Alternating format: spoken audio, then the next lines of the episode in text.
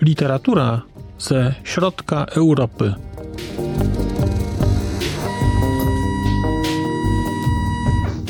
Podcast około książkowy.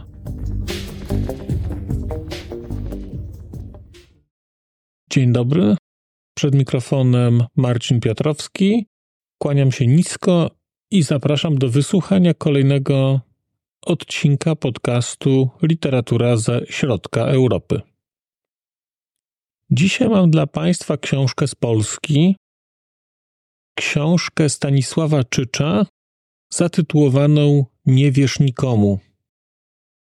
Z podtytułem, a właściwie z podtytułami Baza z elementami nadbudowy.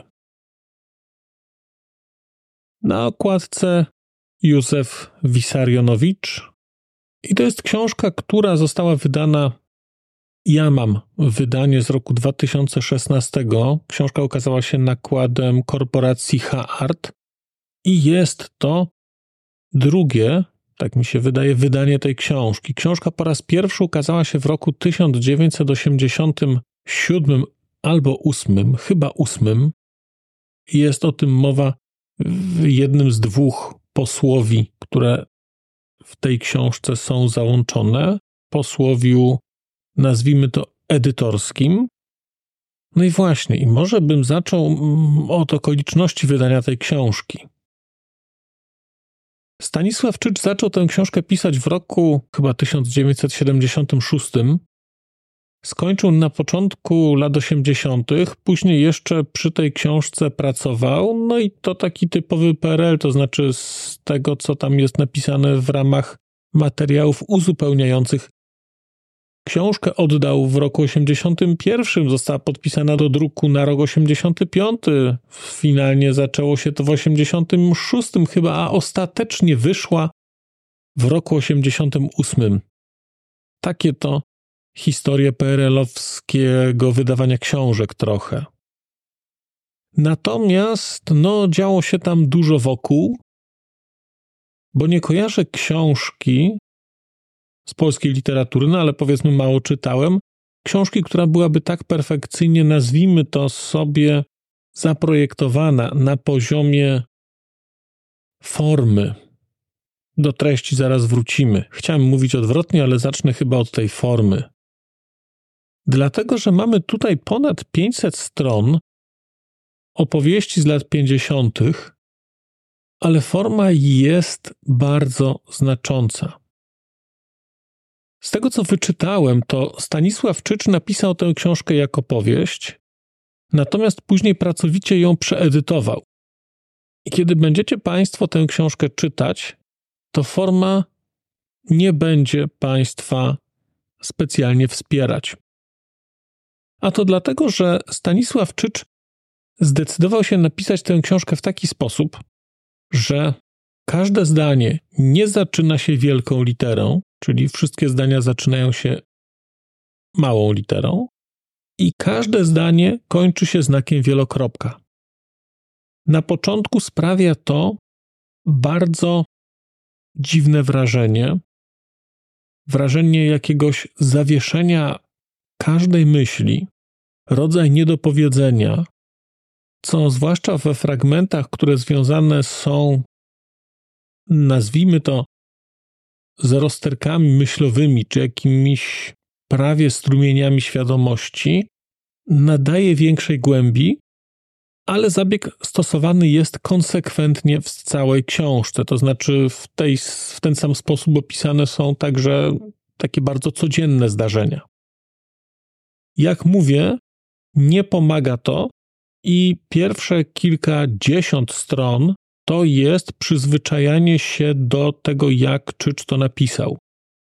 Natomiast on tę formę nadał już później, to znaczy jest nawet w tej książce, w tych tekstach wyjaśniających załączony fragment jego korespondencji z redakcją, gdzie wprost pisze, co ma być i jak zrobione, i prosi o nieusuwanie tych wielokropków, a z całego tekstu wybrzmiewa rodzaj takiego jego perfekcjonizmu i traktowanie tej książki jako pewnej formy, całościowej formy zamkniętej dzieła, które miało tak, a nie inaczej wyglądać.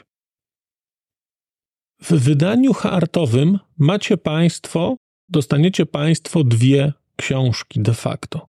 Książkę bazową, czyli Nie wiesz nikomu baza, oraz książkę, która nigdy się nie ukazała, a która była pisana, Nie wiesz nikomu nadbudowa. Dlatego, że Czycz zaplanował to dzieło jako cykl dwutomowy. Napisał jeden, ten drugi jest, czyli nadbudowa jest tutaj fragmentarycznie, to jest coś, co udało się znaleźć w zapiskach Czycza, w jego notatkach. To są fragmenty po prostu powieści. Ta książka właściwie urywa się w połowie ostatniego zdania, bo no, nie jest dociągnięta. Mówimy, mówię o części drugiej, o nadbudowie. Mówimy tu o książce, która dzieje się w czasach stalinowskich. Zaczyna się na samym początku lat 50. albo pod koniec lat 40., ale wydaje mi się, że to jest początek lat 50. Jesteśmy tutaj świadkami śmierci Stalina. Książka jest w bardzo dużym stopniu autobiograficzna. Czycz wprost mówił, że osoby w tej książce umieszczone, chociaż mają zmienione nazwiska, są osobami, z którymi się zetknął. To są historie, które znał. To są historie, które jako pracownik zakładu kamienia budowlanego w Krakowie, a później w Krzeszowicach, historie, które go dotyczyły, ludzie, których znał, to jest jego życie. I mimo, że fabularyzowane, to bardzo mocno pogłębia wymowę tej książki. Przyznam się Państwu, że spodziewałem się czegoś innego, to znaczy w książce zatytułowanej Nie wiesz nikomu, ze Stalinem na okładce. Sądziłem, że dostanę jakąś opowieść o polskim stalinizmie, ale na poziomie politycznym. Tymczasem zupełnie nie, zupełnie nie. Nie nikomu, to jest od strony treści. Jest to powieść produkcyjna. To jest książka pokazująca, jak wyglądało życie i praca w zakładach państwowych na początku lat 50. Jak wyglądało realne życie klasy robotniczej. I mimo, że interesuję się historią i mimo, że wiem, jak to wyglądało zasadniczo, no to Czycz pokazał mi Polskę, której nie znałem. Pokazał mi Polskę, którą sobie do jakiegoś stopnia uświadamiałem.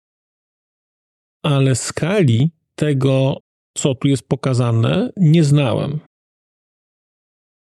Bo nie wiesz nikomu jest opowieścią o tym, jak wyglądało realne życie robotnika, który zaczyna swoją karierę zawodową, który właściwie skończył szkołę. Jest elektrykiem, skończył technikum elektryczne i idzie do pracy. I Polska, która tutaj jest pokazana, te przedsiębiorstwa, sposób załatwiania spraw, jest bardzo smutnym obrazem tego, jak wyglądało życie w Polsce na początku lat 50., jak wyglądał kraj zrujnowany przez II wojnę światową, ale jak wyglądał także kraj, który nie miał okazji się podnieść, bo został zawłaszczony i etycznie i intelektualnie przerzuty i wypluty przez myślenie komunistyczne, socjalistyczne. Na tych 500 stronach zobaczycie Państwo obraz nędzy i rozpaczy, dosłownie i w przenośni. Dosłownie, bo zobaczycie Państwo poziom biedy, która jest, czyli robotnika, który może się spóźnić do pracy, bo nie ma zegarka, nie wie, która jest godzina. Robotnika, który nie ma co jeść i właściwie kupuje surowe jajka, bo tylko stać go na surowe jajko, które raz dziennie wypija. Robotnika, który kiedy przyjedzie do Krakowa, idzie do pracy piechotą, bo tramwaj jest za drogi. Ten obraz jest przerażający I dla mnie jednakowoż był odkrywczy, bo niby o tym wiedziałem, ale jednak nie w tej skali. No ale ta książka ma też drugi wymiar. Wymiar związany, nazwijmy to, z etyką pracy socjalistycznej. I to, co jest tutaj pokazane, pokazuje, że komunizm chyba jako taki, jako system polityczny, system gospodarczy, nie miał racji bytu, bo poziom niechlujstwa, lenistwa, obojętności, zgorzknienia, który tutaj jest pokazany, jest niewyobrażalny. Nie bardzo jestem w stanie wyobrazić sobie, jak ten system miał działać, kiedy pracownicy zajmują się głównie udawaniem pracy, przechodzeniem z miejsca w miejsce. Ktoś przychodzi do pracy i przez pierwsze trzy tygodnie po prostu siedzi, a właściwie śpi w wysokiej trawie, a w zakładzie jest wysoka trawa, no bo nikt jej nie ściął, a że nic się tam nie robi, to ta trawa sobie rośnie, jest na tyle wysoka, że można sobie w niej leżeć. No, co jakiś czas trzeba się przejść po zakładzie, żeby położyć się w innym miejscu. Pracownicy, którzy wolą nudzić się w pracy niż cokolwiek zrobić. Przychodzą do pracy, właściwie nie mają tam kompletnie nic do roboty, bo pracują w miejscach, które są całkowicie nieprzygotowane do tego, żeby można tam było pracować. Ten wątek akurat był mi znany chociażby z książki czy ze wspomnień Józefa Sigalina, kiedy opisana jest inwestycja w postaci odbudowy mostu poniatowskiego w Warszawie. I właściwie literalnie, literalnie cały kraj jest postawiony na nogach po to, żeby zbudować most, bo okazuje się, że po wojnie w 1945 roku nie ma na przykład lokomotyw, żeby przewieźć węgiel, nie ma lokomotyw, żeby przewieźć elementy metalowe, które będą konstrukcją mostu. I czytając Sigalina, widziałem, jak to wygląda na takiej dużej inwestycji. Czytając Czycza, widzimy, jak wygląda to na najniższym poziomie. To znaczy, jest zakład, przychodzą pracownicy i on nie ma nic. Nie ma kabli, bo są ukradzione. Nie ma maszyn, bo są zniszczone. Dlaczego są zniszczone? No, chociażby dlatego, że inni pracownicy demolują je, bo zorientowali się, że w środku jest odrobina cyny. Co prawda, cynę można bez problemu dostać, wszędzie jest, no ale po co kupować, skoro można wziąć? No, przy okazji niszcząc maszynę.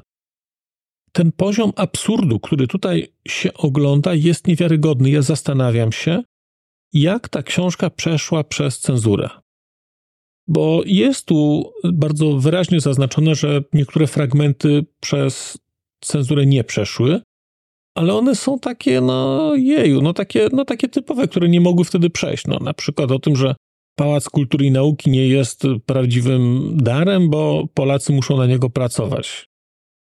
No tego typu historie. I to jest dla mnie oczywiste. Natomiast to, że cenzura pokazała obraz Polski, niechlujstwa, takiego socjalistycznego tumiwisizmu. To jest dla mnie niepojęte, że w połowie lat 80. takie rzeczy przechodziły. Tutaj przeszły i czytając tę książkę dostaje się obraz życia i nędzy robotników w Polsce. Jednocześnie ta książka jest też wglądem w robotniczy sposób myślenia. Jest tutaj mnóstwo szalenie interesujących rozmów. Bo ci ludzie nie są głupi. Ci ludzie są po prostu upodleni biedą, upodleni systemem. I okazuje się, że w tym systemie można pracować, bo jest tutaj nagle w którymś miejscu odkryta fabryczka, mała fabryczka, która jest postawiona z boczku, jakoś za ścianą. Tę fabrykę prowadzą Żydzi i oni tam naprawdę pracują. Oni tam zasuwają i jest to jakaś resztka jeszcze czegoś prywatnego. I ci ludzie potrafią pracować. Natomiast ci, którzy trafiają na państwowe, dosłownie za ścianą nie pracują. Bo po co? A jeżeli ktoś usiłuje pracować, to jest y, wyśmiewany. Ludzie się z niego śmieją, po co to robisz. Poziom biedy tych ludzi dojeżdżających spod krakowskich wsi jest porażający. A jednocześnie ci ludzie mają bardzo interesujące refleksje na temat roli Kościoła w państwie. Cudowne historie, że ksiądz pieprzy i nikt nie ma zamiaru go słuchać, bo jedna rzecz to wiara w Boga, druga rzecz to słuchanie tego, co mówią księża, którzy po prostu bredzą. Bardzo podobne refleksje pada także na temat partii, na temat ZMP. Mają tutaj także ludzie bardzo konkretne, wyrobione poglądy polityczne, rozmowy na temat sytuacji międzynarodowej, tego, co dzieje się w Korei, w Chinach, szczytu zimnej wojny. To wszystko tutaj jest. I one są zaskakująco głębokie. To jest trochę momentami miałem wrażenie, jakbym czytał wesele. I ci ludzie, którzy mieli być prości, są obdarzeni bardzo konkretną refleksją. Natomiast kiedy mówiłem o tym, że forma nie wspiera, no to forma nie wspiera, dlatego że Czyczowi udało się rzeczywiście oddać ten język klasy robotniczej, język ludzi, którzy właściwie zasilają tę klasę robotniczą, ale mówią jeszcze po wiejsku. Na dodatek Czycz stosuje taki zabieg formalny, że te dialogi nie są wyróżnione w postaci komentarza, kto co powiedział. Zazwyczaj mówimy, przyzwyczajeni jesteśmy do tego, że bla, bla, bla rzekł Marcin, coś tam odpowiedział Stefan, ktoś zapytał i tak dalej. Tutaj tego nie ma. Jeżeli jest dyskusja na temat polityczny, która zajmuje sześć stron, dialog na sześć stron, to będziecie Państwo musieli pilnować się, kto co mówi, a najlepiej po prostu nauczyć się sposobu wysławiania się poszczególnych bohaterów, bo przez to będzie łatwiej ich śledzić w rozmowie. Ale jest to po prostu żywy dialog bez żadnego słowa takiego komentarza. No i to jest ta warstwa, nazwijmy to społeczno-ekonomiczna. Do tego jest jeszcze cały wątek miłosny, także bardzo interesujący, oraz taki wątek związany z postrzeganiem rzeczywistości, związany ze wzrostem świadomości tego głównego bohatera. W części drugiej już z jakimiś próbami pisarskimi. No, fascynująca, fascynująca jest ta książka. Ja jestem przekonany, że będę czytał Stanisława Czycza więcej. Będę chciał inne jego książki także przeczytać, bo bardzo mi odpowiadało to, co tu znalazłem i bardzo doceniam także formę. To nie jest tak, że to jest książka stustronicowa, gdzie można sobie coś wycyzelować. To jest książka ponad 500-stronicowa, która jest zadbana, zaprojektowana do pojedynczego słowa. Także ta korespondencja z wydawnictwem pokazuje, jak Czycz pisał, dlaczego tak ma coś być ujęte, dlaczego posługuje się niepoprawną formą języka niemieckiego, jak coś ma zostać zapisane. Znakomicie to jest zrobione oraz znakomicie jest to skomentowane. Po przeczytaniu tego komentarza, no więcej widać w tej książce. Bo ja się na początku zastanawiałem, do jakiego stopnia to jest stylizacja, do jakiego nie. No tymczasem to widać na końcu, że to jest od początku do końca zaplanowane dzieło. Znakomita rzecz. Nie wiem, czemu ta książka nie jest specjalnie popularna. No i jeszcze jest cudowna rzecz w postaci tytułów. Tych podtytułów właściwie. No bo część pierwsza to baza, część druga nadbudowa. I wydaje się, że jest to bardzo wprost odniesienie do ekonomii marksowskiej, do tego języka, którym się wtedy posługiwano, no, baza, nadbudowa. Tymczasem to jest cudowna gra słów, bo baza to jest pierwsza część książki i to jest nazwa miejsca, gdzie ona się rozgrywa, bo akcja rozgrywa się w bazie remontowo-narzędziowej przedsiębiorstwa wydobycia kamienia, czy jakoś tak. Natomiast nadbudowa to jest dalsza część tej książki, która rozgrywa się w nowym miejscu pracy, do którego główny bohater się przenosi. I kiedy ja czytałem, że to jest baza z elementami nadbudowy na początku, to zakładałem, że dostanę właśnie ten wątek taki mocno też polityczny. W tej książce w ogóle nie ma polityki. W ogóle. Tu pada jakieś pojedyncze słowo, może o terrorze, że ktoś się bał. raczej ktoś mówi, że ktoś może być kapusiem, że są kapusie. Tu w ogóle tego nie ma. To są lata 50., to jest stalinizm. Kompletnie ściągnięty jest ten element, który znamy najbardziej.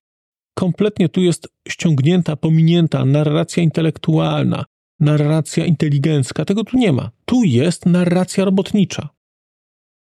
I robotników totalnie niewykwalifikowanych, i takich robotników, którzy, jak główny bohater, skończyli szkołę średnią i trafili do pracy fizycznej, no a trafili na przykład do pracy fizycznej, dlatego że zostali zakwalifikowani jako pracownik fizyczny po to, żeby więcej zarabiać, bo pracownik fizyczny zarabiał więcej, można go było wyżej zaszeregować. Absurdów jest tutaj mnóstwo, ale najsmutniejsze w tym wszystkim jest to, jak ta książka pokazuje, jak bardzo ten system upadlał ludzi, jak ich niszczył, nie na takim poziomie, że zmuszał ich do robienia podłości. On po prostu zmuszał ich do byle jakości, premiował byle jakość, niechlujstwo, lenistwo, opryskliwość. Czytając tę książkę, właściwie traci się nadzieję, bo ona pokazuje takie pracownicze wynaturzenie, ale w tym wynaturzeniu funkcjonuje nie jeden zakład, tylko cały kraj. Bardzo Państwu polecam Nie wierz nikomu Stanisława Czycza. To jest wyjątkowa literatura, wyjątkowa literatura pod kątem tego, co pokazuje, ale także wyjątkowa pod kątem tego, jak jest napisana. Znakomita, poruszająca książka. Nie wiem, czemu nie jest lekturą szkolną. Wydaje mi się, że ona dużo więcej mówi aby o latach 50. niż inne książki i uważam, że powinna trafić jako lektura szkolna do, do czytania. No, wydaje mi się, że w liceum to powinna być obowiązkowa książka do przeczytania. Znaczy, po przeczytaniu tej książki wszystko byłoby jasne. Myślę, że ta książka, do tego dorzucić Czesława Miłosza, do tego dorzucić Popiół i Diament i właściwie jest komplet, bo taki komunizm, który ja pamiętam, taki dobrotliwy, takie historie z budów, które znałem z lat 80., one już miały miejsce w czasach, nazwijmy to, dobrobytu. No, jak na, w porównaniu z tym, co działo się z rokiem, w roku 50, to lata 80 to już był dobrobyt.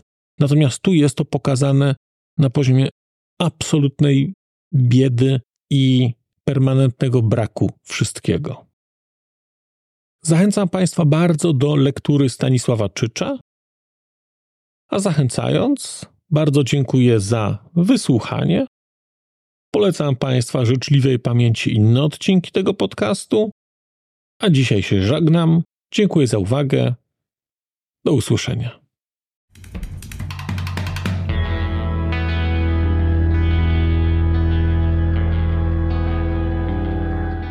Bardzo dziękuję Państwu za wysłuchanie tego odcinka, bo skoro jesteście w tym momencie, to znaczy, że wysłuchaliście go do samego końca.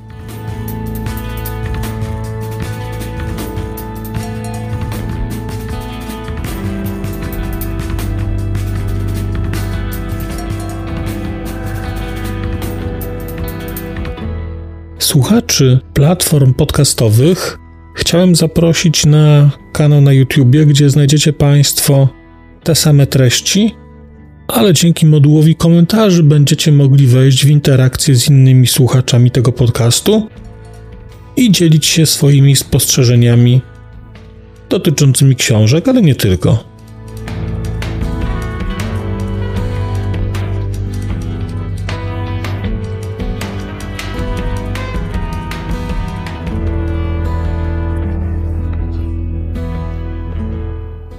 Oprawa muzyczna tego odcinka została zrealizowana na bazie muzyki słowackiego zespołu Longital.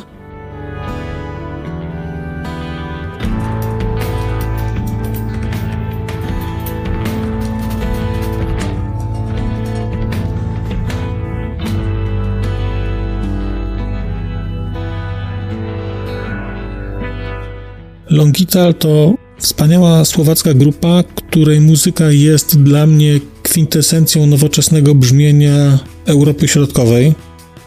Bardzo Państwa zachęcam do posłuchania tego zespołu i chciałem podziękować Shinie i Danielowi, że zgodzili się na wykorzystanie ich muzyki w moim podcaście.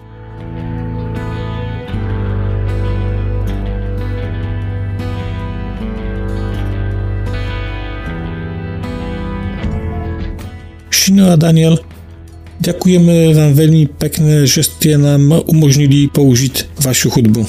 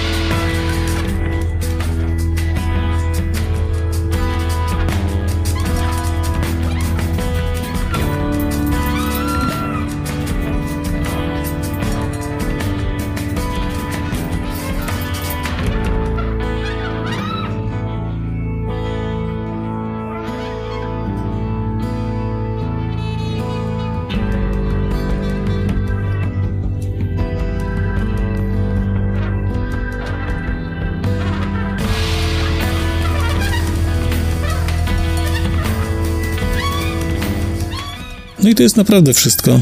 Dziękuję i do usłyszenia.